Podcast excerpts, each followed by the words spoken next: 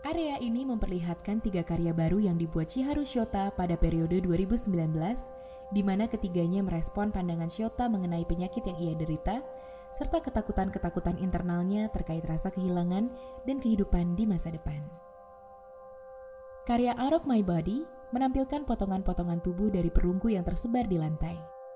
Di atasnya, lembaran kulit berwarna merah disayat-sayat hingga membentuk anyaman. Lewat karya ini, Shiota mengungkapkan perasaannya melawan kanker yang kembali muncul setelah 12 tahun.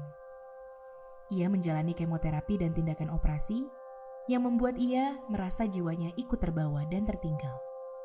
Meski pengalaman ini membuatnya menderita, ia masih menyimpan semangat optimistik yang mendorongnya menyiapkan pameran The Soul Trembles.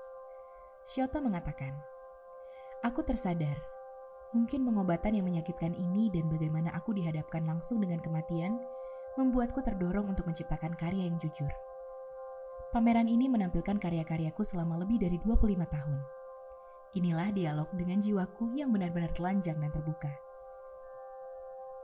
Rebirth and Passing, sebuah instalasi yang dibuat setelah melewati penyakit, memperlihatkan potongan bagian tubuh boneka yang dibelit benang-benang merah, kemudian dikelilingi patung-patung kaca berbentuk jaringan organ tubuh. Ini adalah karya pertama Shota yang menggunakan medium kaca, seolah menggambarkan kondisi tubuh dan jiwa yang rentan dan ringkih. Bagi Chiharu Shota, jiwa dan keberadaan manusia dibentuk dari kenangan atau memori. Kenanganlah yang membuat manusia hidup dan memiliki cerita-cerita yang unik. Shota percaya bahwa memori adalah bagian yang paling penting dari sebuah jiwa. Karena tanpa kenangan, manusia hanyalah jaringan organ tubuh saja. Meneruskan tema kehadiran dalam ketiadaan, Shota juga meyakini bahwa keberadaan seorang manusia bisa terus hidup dari benda-benda yang mereka gunakan atau tinggalkan.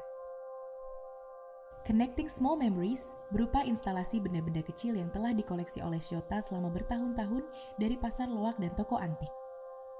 Benda-benda ini berupa rumah boneka, perabotan rumah tangga seperti tempat tidur dan kursi, piano kecil, juga beberapa miniatur karya-karya Shota yang ia buat ulang.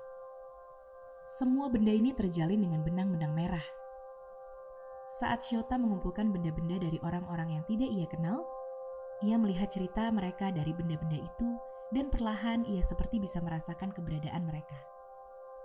Dengan demikian, karya ini mengajak kita membayangkan kenangan yang tersimpan.